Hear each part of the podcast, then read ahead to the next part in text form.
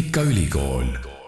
tere, hea kuulaja, eetris on Tallinna Tehnikaülikooli podcast, mina olen saatejuht Kristjan Hirmu ja olen täna siin Delfi taskustuudios, et võõrustada interneti vahendusel podcastis kahte külalist. ja täna räägin ma kahe Tallinna Tehnikaülikooli majandusteaduskonna rahvusvahelise ärikorralduse õppekava vilistlasega ja teisel pool peaks olema Helina Meier, tere Helina. tere ja minu tänaseks teiseks vestluskaaslaseks on Oliver Kikas. tere, Oliver. Tere, tere. no te olete mõlemad lõpetanud rahvusvahelise ärikorralduse õppekava, aga sellel õppekaval on Tehnikaülikoolis päris mitu erinevat peaeriala, et, et millise eriala täpsemalt olete lõpetanud, Helina? me Oliveriga lõpetasime mõlemad eelmine aasta ja me lõpetasime majandusarvestus digiajastul erialal no võin kohe kuulajale öelda, et eh, seal on veel teisigi erialasid, näiteks turundus, ettevõtlus ja juhtimine, aga ka rahandus. aga Oliver, tahaks siis küsida, et, et kust tuli selline eriala valik? majandusarvestus digiajastul? Äh, see sündis päris mitmest mõttest tegelikult, et äh, kuna mu vend õppis äh, EBS-is küll samat eriala, siis mul väiksena tekkis selle vastu juba huvi. ja mind väiksena kuidagi lihtsalt ettevõtlus huvitas ka, et et nii-öelda oma saatuse sepp olla või õnnesepp. Helina, räägi natukene sellest õppekavast lähemalt, et eh, mida see endast kujutab ja, ja kuidas õppimine sellel õppekaval välja näeb? no ega ta nüüd nii väga teistest õpp-, erialadest ei, ei erine, et äh, põhiline erinevus ongi lihtsalt see, et äh, me õpime inglise keeles ja koos äh, teiste rahvusvaheliste tudengitega ja need tudengid on siis kas nagu alustavad ja lõpetavad meiega koos või siis meil käib hästi palju iga aasta ka vahetusüliõpilasi üle Euroopa Erasmuse programmi raames. kui suur ja kui rahvusvaheline see seltskond on, oskad sa öelda ka? No kokku peaks olema umbes kakskümmend kuus erinevat rahvust ja võib-olla suurusjärgus siis nii palju, et aastane vastuvõtt on umbes kaheksakümmend, üheksakümmend äh, õpilast ja noh, kolme aasta peale kokku on siis neid kokku umbes kolmesaja ringis. kas eestlasi ka õpib või on ülekaalus välistudengid? no ülekaalus on jah ikkagi välistudengid, et äh, me Oliveriga küll õppisime erinevatel aastatel, aga ma võin äh, oma kogemusest öelda, et meid oli ilmselt umbes kuskil noh, kümne ringis ehk siis äh, üsna, üsna vähe võrreldes äh, teistega, ma ei tea, kuidas sul oli? minul oli ka vist äkki kaksteist kokku, et jah, sinnakanti. no mis on kõige suurem erinevus siis sellisel rahvusvahelisel õppekaval õppimise juures, et oskad, Oliver, kohe midagi välja ka tuua? ma pakuks välja erinevad õppejõud just välismaalt, et meil sugugi ei olnud kõik õppejõud eestlased, et äh, kuna kõik toimus inglise keeles, siis äh, oli näiteks äh, Portugalist õppejõud, Malaisiast ma mäletan, üks oli. et minule see hästi meeldis, et räägiti sellisest rahvusvahelisest aspektist või sellisest vaatevinklist, mis on välismaalt pärinev, mitte just ilmtingimata Eestist. no Oliver juba mainis, et tema sai tõuke Tehnikaülikooli minna tänu vennale, kes ka ülikoolis majandust õppis, aga Helina, kuidas, kuidas sina selle õppekava juurde jõudsid? No mul on siin väga palju erinevaid faktoreid, aga võib-olla ka lühidalt siis, et äh, nalja, naljakal kombel ka minu vend õppis Tallinna Tehnikaülikoolis äh, ärindust, aga ta õppis eesti keeles. seega see kindlasti oli nagu noh, selline julgustav aspekt, aga äh, algselt ma tahtsin üldse tegelikult minna Inglismaale tegema enda bakalaureust, aga kuna see, mida ma tahtsin sinna õppima minna, ei olnud nagu nii eriline, et mu vanemad oleks väga soovinud seda rahastada, siis ma nii-öelda kompromissina leidsin siin kohapeal nagu inglisekeelse programmi ja siis äh, sellega ma olin äh, üsna, üsna müündud kohe, et jah kas sul, Helina, oli juba gümnaasiumi ajal ka huvi majandusteaduste või, või numbrite vastu, et? Äh, ja võib öelda küll, et äh, ma gümnaasiumis käisin kolmekümne teises keskkoolis ja seal on eraldi majandus ja keskkonnasuund, et siis äh, sealt, sealt see nii-öelda nagu põhjalikumalt alguse sai. Oliver, milline sinu taust on, kas samamoodi juba gümnaasiumist pärit majandushuvi? jah, meil just gümnaasiumis oli samamoodi majanduskallak et õpetati majandust nii äh, eraldiseisva ainena, kui äh, ma ise käisin ka majandusolümpiaadidel maakonnas, et, äh, et see andis minule veel sellise suurema tõuke juurde. no teil on nüüd bakalaureuse programm läbitud.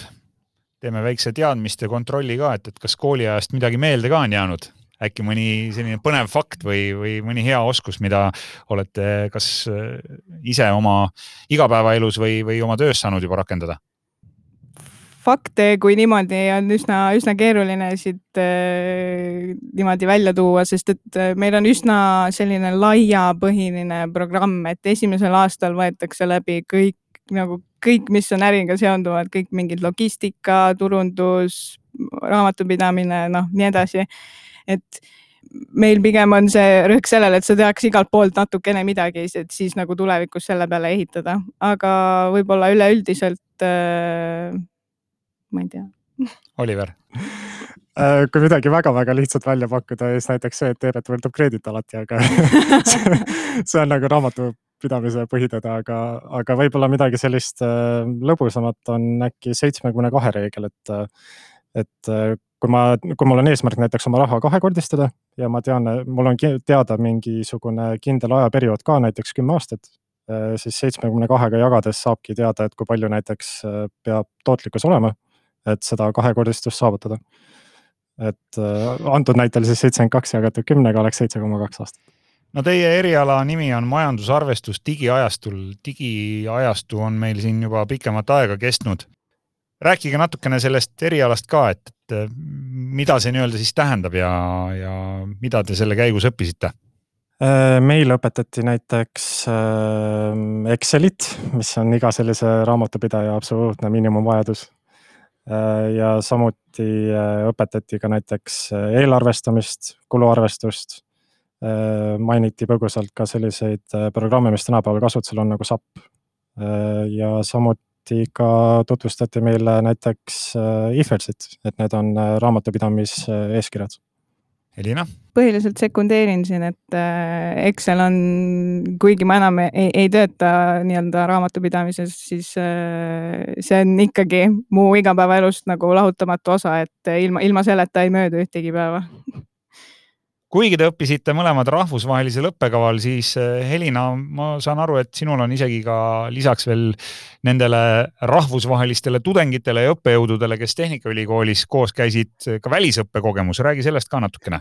ja et eh, teisel kursusel ma ikkagi otsustasin, et eh, kuna on Euroopa Liidus nii head võimalused loodud üliõpilasvahetuseks, et ma ikkagi tahaks ka seda teha ja proovida ja lõpuks ma siis otsustasin, et äh, valikuks on äh, Saksamaa ja siis äh, no ühesõnaga sinna läheb väga palju eeltööd sisse, kuhu sa tahad minna ja nii edasi ja väga palju paberitööd. aga ma otsustasin minna Müncheni Tehnikaülikooli, mis on siis üks parimaid ülikoole Saksamaal ja see oli väga selline enesearendav kogemus ja sa põhimõtteliselt sind visatakse täiesti tundmatusse kohta ja siis noh, uju, uju vee peale sealt ennast. no sa läksid Saksamaale ülikooli üheks semestriks. oled sa saksa keelt varem õppinud ka? ei ole tahaks kohe teada, et kuidas sa hakkama said seal Münchenis?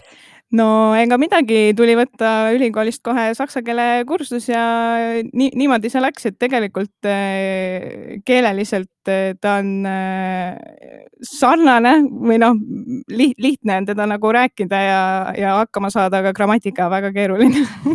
Nii et õppetöö käis inglise keeles, aga kogu muu elu seal Münchenis, selle sa pidid siis nii-öelda saksa keeles läbi ajama. just, aga noh, õnneks eh, minusuguseid oli seal väga-väga-väga palju, et eh, me seal ikkagi omavahel ka suhtlesime väga palju inglise keeles ja mõnedega ma suhtlen eh, tänapäevani veel edasi, et väga lahe. ja kas sa käisid seal läbi Erasmus programmi?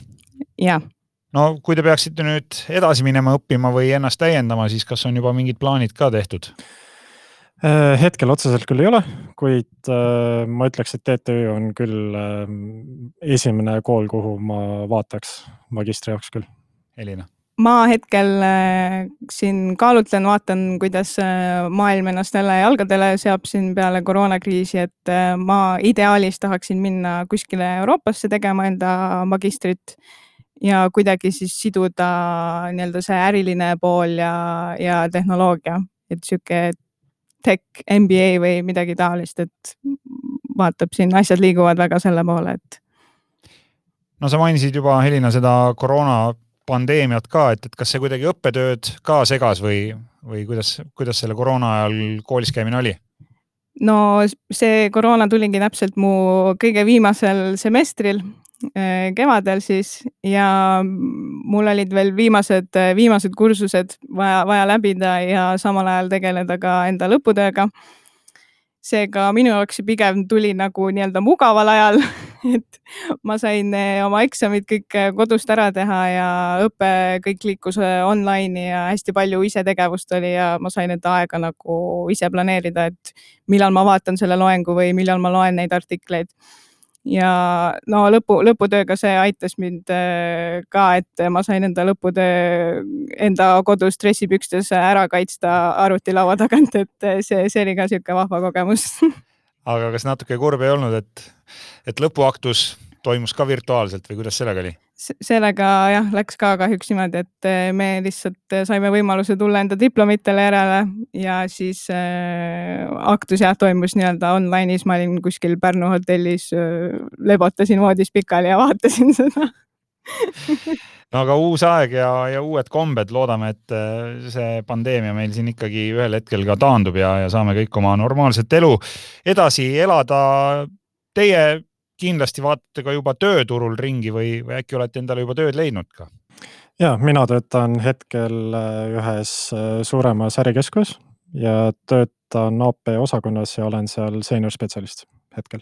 räägi, mis osakond see on ja mille eest see vastutab? Äh, põhimõtteliselt meie vastutame selle eest, et kõik arved, mille eest meie ettevõte on võlgu, saavad makstud, et arved saaksid käsitletud, erinevad jooksvad probleemid lahendatud, raporteerimine oleks joones ja nii edasi. Helina, kuidas sul tööga?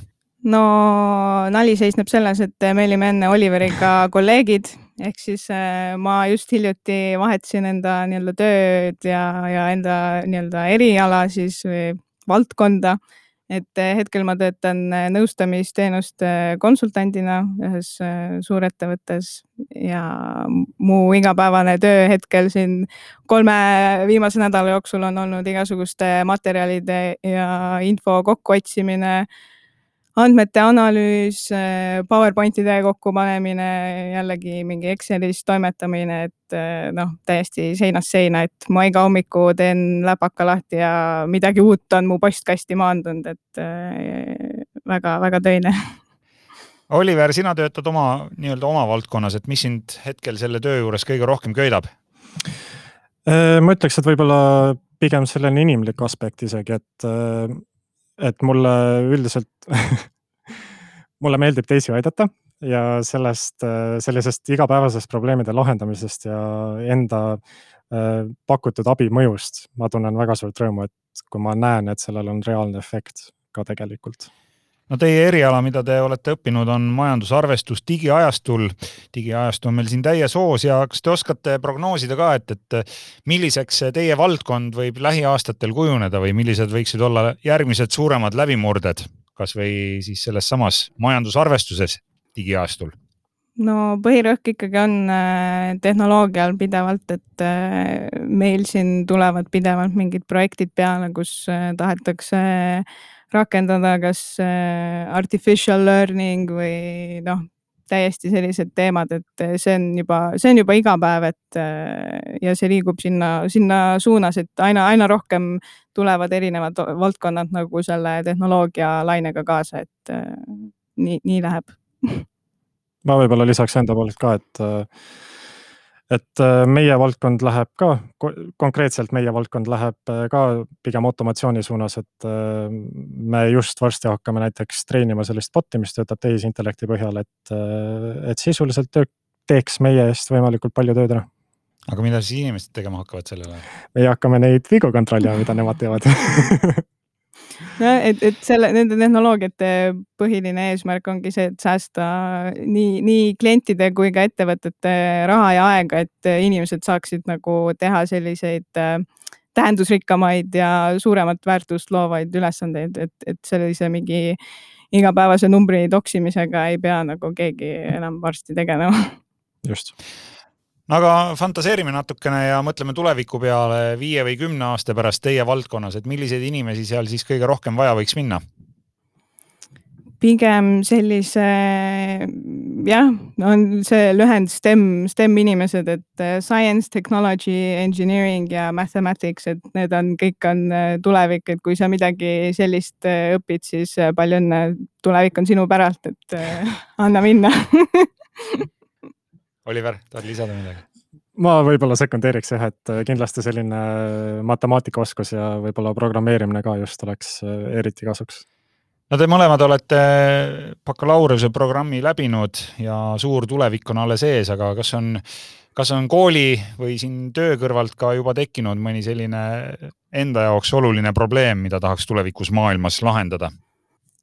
Praegu niimoodi otseselt veel ei ole, et neid probleeme on väga palju, et endale leida see õige ja spetsiifiline on, on keeruline, aga ma usun, et see on kindlasti seotud midagi nagu selle roheteemaga ja kes, keskkonnasäästlikkusega, et see on, see on see teine suur valdkond, mis, mis lähiajal hakkab siin hooge või tu, tuure koguma. Oliver v? võib-olla meie, meie vanale tööle mõeldes, siis äh, äkki võib-olla see ka, et ettevõtted saadaksid vähem paberil arveid näiteks, et, et mm. kõik käiks e-arvete kaudu. see hoiaks väga palju paberit kokku. ja aega. just, ja kütust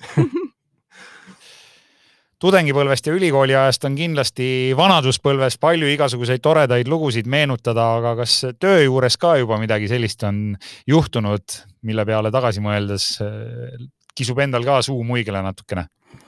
no paar naljakat juhtumit on eh, ikka olnud, mis siin kohe tulevad niimoodi eh, sahtlist, et peale esimese kursuse lõppu ma läksin kohe praktikale ja oli sihuke suvine periood, hästi rahulik, tööd väga ei olnud ja ma käisin äh, lõunal ära. ja millegipärast äh, ma ilmselt olin eelmine õhtu käinud äh, sõpradega väljas ja siis meil on selline puhkeruum seal kontoris ja siis ma läksin lihtsalt sinna ja ma jäin, no see on sihuke natuke pimedam ruum ka ja siis ma jäin seal niimoodi rahulikult tukkuma. Kuna ma olin alles alustanud, siis keegi väga ei märganud ka, et ma nagu kadunud olin. Ja siis ma ärkasin üles ja vaatasin, oi, täpselt see aeg, et noh, nüüd on aeg koju minna. Ja võib-olla, võib-olla teine kiire lugu, mis nagu naljakas, aga samas natukene nagu sünge oli lihtsalt eh, üks mu töökaaslane sai emaili, kuidas eh, Saksamaalt ähvardati kurikatega meestega siia Tallinnasse tulla ja raha meilt välja pressima. Arved olid maksmata. Te mõlemad olete nüüd peale ülikooli lõpetamist ka tööle asunud, aga kui palju te endiste koolikaaslaste ja kaastudengitega suhtlete, et te õppisite ka rahvusvahelisel õppekaval, kus seltskond on kirju ja, ja inimesi maailmast erinevatest paikadest kokku tulnud, et kui, kui palju seda koolijärgset suhtlust alles on jäänud? Äh, ma ütleks, et äh, mingil määral nii-öelda enda kursuse eestlastega ma suhtlen Äh, teatud inimestega ja aga üleüldiselt äh, pigem on jäänud välismaalaste suhtes need inimesed, kellega ma olin koos seal Münchenis. Sellepärast, et äh, seal meil oli kõigil see olukord, et meid visati sinna patta ja siis me pidime, sa pead endale leidma sõbrad nagu sul, muidu sa oled lihtsalt pool aastat üksinda. Ja noh, siis, siis sealt kasvasid nagu sellised tugevamad, äh, tugevamad äh, suhted, aga jah, ja mul on ka hästi palju neid sõpru, kes on jäänud, kes tulid siia nagu vahetusprogrammiga ja olid siin mingi üks-kaks semestrit ja siis nagu läksid koju tagasi, et ne, ne, nendest on ka mul jäänud nagu suhteid ülesse? Jah, mina ütleks, et mul on midagi sarnast, et äh, ma küll väli, vahetusõpilasena välismaal ei käinud, aga, aga need, kes minu kursusel olid, kui nad näiteks Eestisse tulevad tagasi, siis me läheme näiteks koos sporti tegema või, või äh, lihtsalt räägime tööasjadest näiteks, et äh, jagame omavahel mõtteid, kui kellelgi läheb abi vaja, et et selline suhtlemine, ma ütleks, et on säilinud jah, selles ringis, kus ma ka ülikooli ajal olin no ülikool on hea platvorm, kus saada endale uusi sõpru, tutvusi, kontakte, lisaks loomulikult ka palju-palju teadmisi. aga kui meid kuulavad nüüd noored, kes alles on ülikooli valiku või eriala valiku lävel, siis kas teil on mingeid häid soovitusi ka, et, et äh, kuidas leida üles see õige asi, mida ülikoolis õppima hakata? ma soovitaks teha hästi palju nagu taustauuringut, võib-olla küsida, ma ei tea, enda sugulaste või tuttavate käest, et kuule, kas sa tead kedagi, kes teab kedagi, kes on seal õppinud, et kuidas tema kogemus oli või siis lihtsalt äh,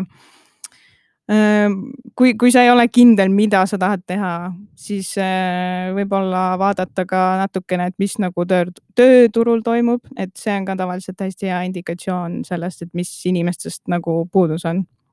Ja tavaliselt sa saad kohe peale esimest aastat minna praktikale, et see ei ole nagu see, et aa, nüüd praegu on puudu, aga kolme aasta pärast äkki ei ole enam neid inimesi vaja, et, et ma nii ei usu, et nii, nii läheb mina läheks äh, konkreetselt avatud uste päevale, sest see oli ka midagi, mida ja. ma tegelikult tegin. ja, ja see on ja, see väga soovitus just ja teine oleks võib-olla tudengite varjutamine, kui nüüd äh, maailm normaalsuse juurde tagasi läheb, et, äh, et äh, avatud uste päev on tegelikult väga hea võimalus näha, kuidas koolis seeselu toimub, mida need tudengid teevad, kes sel alal tegelikult on. antakse ka selliseid prooviloenguid või näidisloenguid, et, et näha, mis aladest konkreetselt ka räägitakse ja teisena võib-olla oleks see, et, et mitte valida ala kuidagi niimoodi huupi või, või lihtsalt selle nurga alt, et ma lähen vaatan, mis saab, et et see võib sellise, mitte et ma seda ise oleks kogenud, aga ma nägin seda teiste tudengite pealt, kus nad veidike võib-olla kahetsesid oma valikut, sest see päris ei olnud neile. et hea oleks, kui enne ülikooli astumist oleks selline sisemine huvi vähemasti ala vastu olemas ma võib-olla lisaks ka ja et see on su, see on hästi isiklik otsus, et äh, ei tasuks kindlasti lasta ennast mõjutada sellest, et mis su sõbrad otsustavad või mida su vanemad sulle peale suruvad, et, äh, et sa peaksid ikkagi ise tegema selle otsuse. millised need inimesed üldse on, kes peale gümnaasiumi lõppu ülikooli lähevad, et millised eeldused või omadused neil võiksid olla? ma arvan, et isikuomadustest võib-olla kindlasti inimene peaks olema julge ja uudishimulik, sest et eh, kui sind ei huvita see, mida sa lähed õppima, siis eh, ega sellest väga asja ei saa. ja selline võib-olla personaalne soov ka areneda mingis valdkonnas, et eh, kindlasti minul vähemasti oli küll gümnaasiumi ajal selliseid konkreetseid punkte, mille kohta ma tahtsin rohkem teada. et, et selline sisemine tahe ennast arendada ja, ja võib-olla saavutada mingi teatud töökoht tulevikus, et see oleks ka, ma arvan, igati teretulnud kui te tahate veel mingit nõu anda noortele, kes otsustavad ülikooli sisseastumise kasuks või mitte, siis mis see hea nõuanne oleks, kas või oma kogemusest?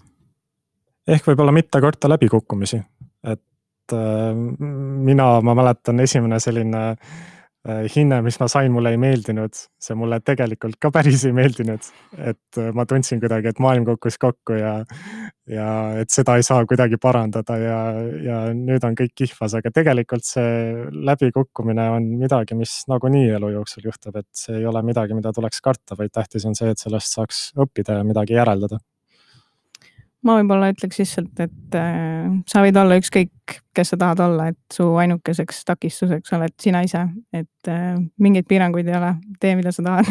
õige see on väga hea mõte, millega täna see podcast lõpetada. suur tänu, Helina ja Oliver, aitäh, et tulite Tallinna Tehnikaülikooli podcasti. aitäh kutsumast. aitäh. ja suur tänu ka sulle, kes sa kuulasid ära värske Tallinna Tehnikaülikooli podcasti episoodi Tallinna Tehnikaülikooli podcastid on üleval Delfi taskulehel aadressil tasku.delfi.ee ja loomulikult ka Spotify's, SoundCloudis ja iTunesis. mina olen saatejuht Kristjan Hirmu ja püsige terved. Thank you.